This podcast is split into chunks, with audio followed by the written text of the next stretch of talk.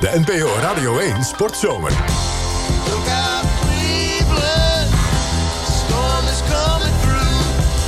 Live vanaf de Republikeinse Conventie in Cleveland, Chris Keijnen en Guus Valk. Ja, iedere week, iedere dag deze week berichten NRC-correspondent Guus Valk... en onze eigen VPRO-presentator Chris Keijnen... vanuit Cleveland, Ohio, dus vanaf de Republikeinse Conventie...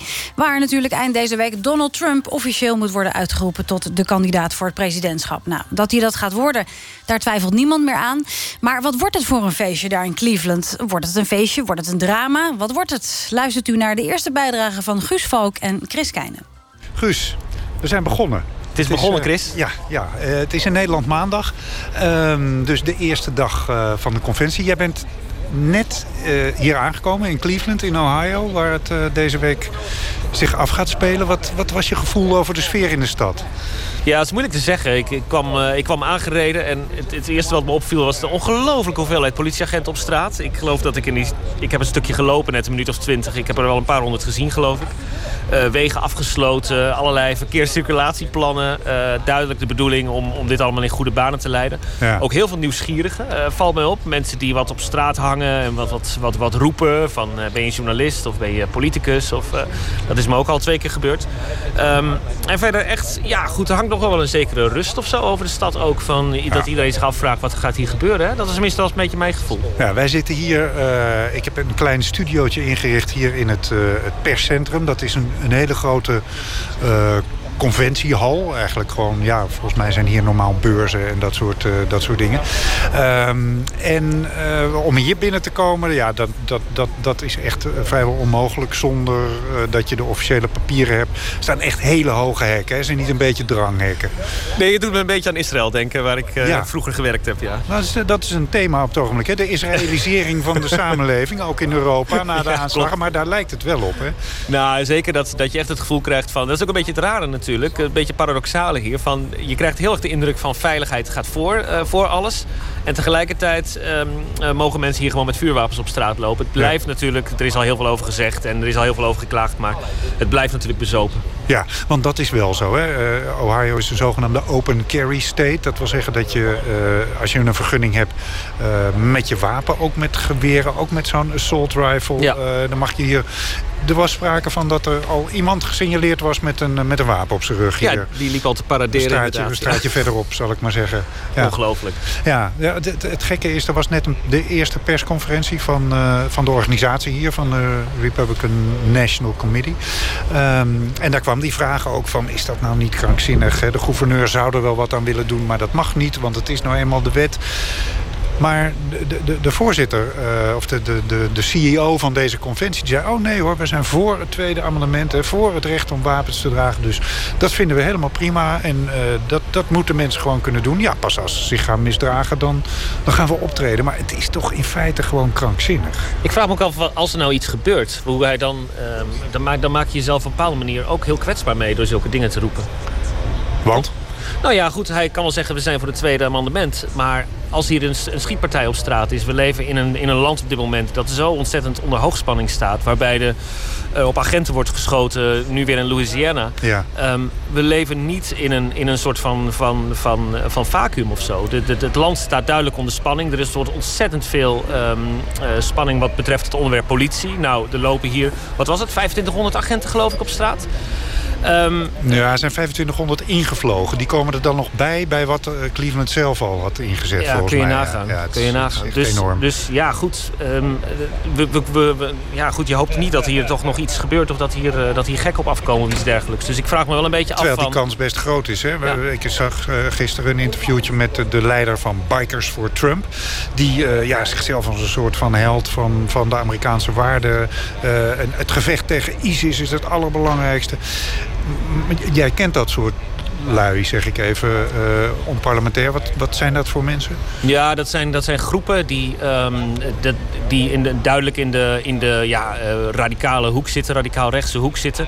Heel kritisch over de, over de overheid zijn. Uh, niemand in, hun, in hun achtertuin willen die zich met hun leven bemoeit. En die een soort van, van ja, bijna messiaans geloof hebben in Donald Trump. Um, dat, dat, dat gaat echt heel erg ver. Dus wat je ziet op, op Trump, rallies en bijeenkomsten dwars door het land Dat als je daar naartoe rijdt, dat je heel vaak lange linten met motorrijders... met, dan, met, met vaak logo's in de sfeer van Bikers for Trump of iets dergelijks... ziet. Amerikaanse vlaggen erop. Het ziet er allemaal heel stoer en, en imposant uit. Maar het heeft ook iets intimiderends. Dus het hangt, hangt altijd een zeker sfeertje van... van ja, dit kan makkelijk escaleren, hangt eromheen. Ja, nou ja, en er, en er komen natuurlijk ook heel veel mensen hier demonstreren tegen Trump. Die, die, die gaan elkaar allemaal tegenkomen deze stad. Goed, we gaan zien hoe dat, uh, hoe dat deze week afloopt. Maar um, wat dat betreft is het waarschijnlijk niet toevallig... dat het thema vanavond uh, Make America Safe Again is, hè?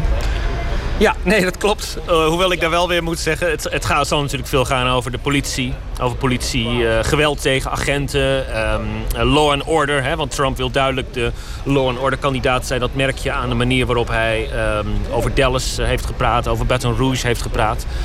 Dus dat zal een belangrijk bestanddeel zijn van de avond. Wat me ook opviel wel, is dat er ook veel sprekers zullen zijn... die over Benghazi gaan praten. En ik vraag Benghazi, me af... Uh, waar het Amerikaanse consulaat is aangevallen door uh, jihadistische groepen... waarbij de consul onder andere is omgekomen in Libië. Zeker. Um, ambassadeur Chris Stevens is daar uh, met drie anderen om het leven gekomen. Ambassadeur, ja.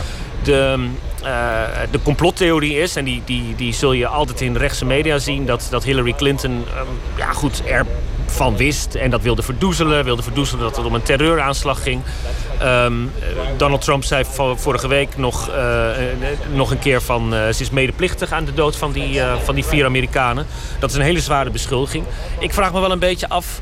Um, en, en, en dat wordt misschien ook iets om de komende week te ontdekken... in hoeverre mikt zo'n conventie nou op de zwevende kiezer? Of wordt dit een feestje voor de republikeinse basis... voor um, de, de, conservatieve achterban... die waarschijnlijk toch al wel gaat stemmen. Je hebt natuurlijk een kleine groep die, uh, die, die nog altijd heel kritisch is op Trump. Maar die groep gaat toch wel stemmen. Je krijgt de indruk, ook door Benghazi zo, zo prominent op zo'n eerste avond aan bod te laten komen... dat ze zich duidelijk richten op, de, op het eigen kliekje.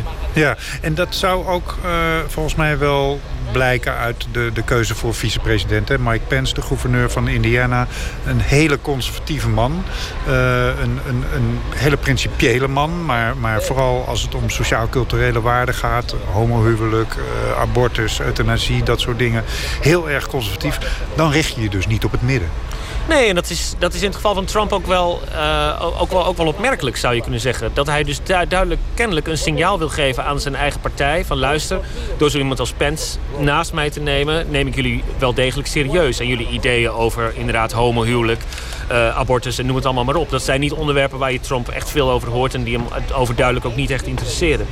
Um, de, de, de, de rode lijn van zo'n conventie moet toch vaak zijn... het wordt live op tv uitgezonden, alle Amerikanen gaan kijken. De, de, de, de kijkcijfers zullen, zeker als er iets misgaat overigens... maar zullen heel hoog zijn. De, de vraag is dan natuurlijk van...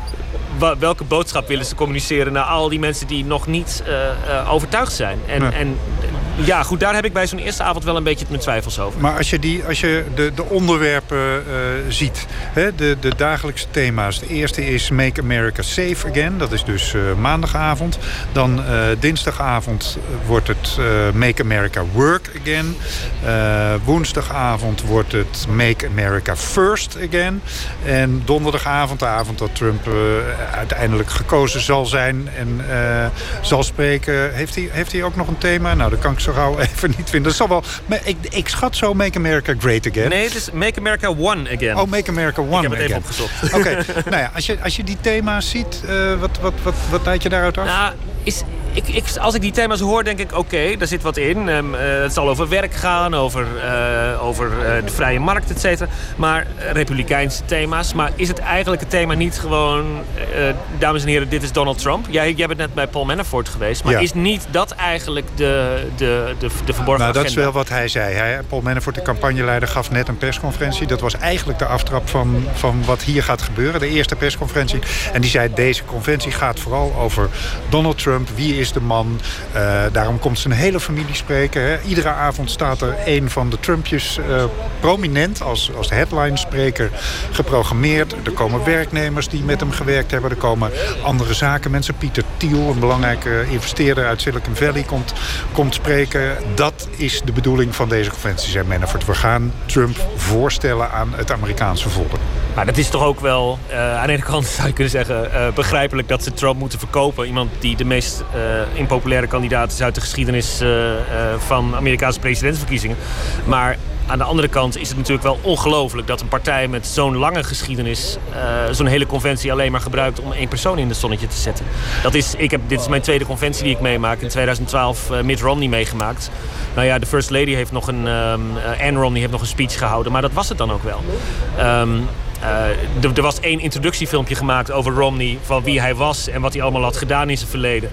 Um, dat haalde primetime niet eens. Dus aan het eind van de conventie wist nog niemand wie Romney was. Maar dit lijkt met andere uit te Maar komt dat dan ook, want als je de hele sprekerslijst bekijkt... het is al veel gezegd, de hele familie Bush is er niet... Romney is er niet, McCain is er niet... de helft van de senatoren zijn er niet. Ik bedoel...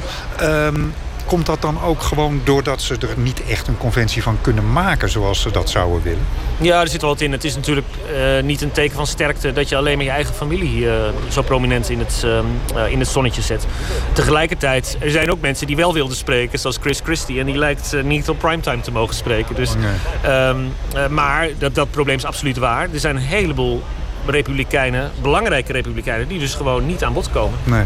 Heel even tot slot. In wat voor land speelt zich dit af? We hebben net Obama weer gezien. Die sprak naar aanleiding van de schietpartij in, in, in Baton Rouge... waarbij weer drie agenten zijn doodgeschoten. Uh, nog niet helemaal duidelijk precies door, door wat voor iemand ideologisch. Maar die zei, ja, dit is ons land op dit moment. Iedereen is gespannen.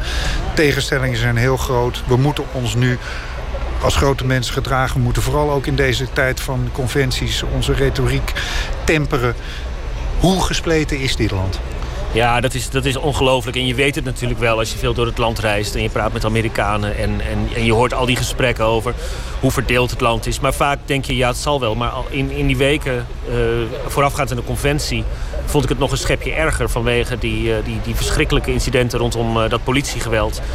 die moorden in Dallas en Baton Rouge. je merkt dat het land gewoon onder hoogspanning staat. En um, dat is wel het decor um, waarbij je rekening moet houden als je zo'n conventie hebt. En um, uh, ik ben heel benieuwd. Uh, we hebben nu de, de, het spreekschema gekregen. Er gaat onder meer een uh, politiecommandant uit Wisconsin spreken... die Black Lives Matter vergeleek met de Islamitische Staat. Een zwarte politiecommandant? Ja, inderdaad. Ja, ja. het is dan nu min, zeer radicaal op dit onderwerp. En, en als je dan gewapende New Black Panthers hier op straat hebt lopen... dan kan er heel wat gebeuren? Alles kan gebeuren. En, en sowieso, het hele land zal meekijken. denk ik dat dit, dit, dit, dit zal de gemoederen niet op bedaden brengen. Spreek elkaar nader. Dankjewel, Guus. Doen we. U hoorde VPRO-presentator Chris Keijnen in gesprek met NRC-correspondent Guus Valk. En morgen dan praten ze bij ons, uh, ons bij over dag 2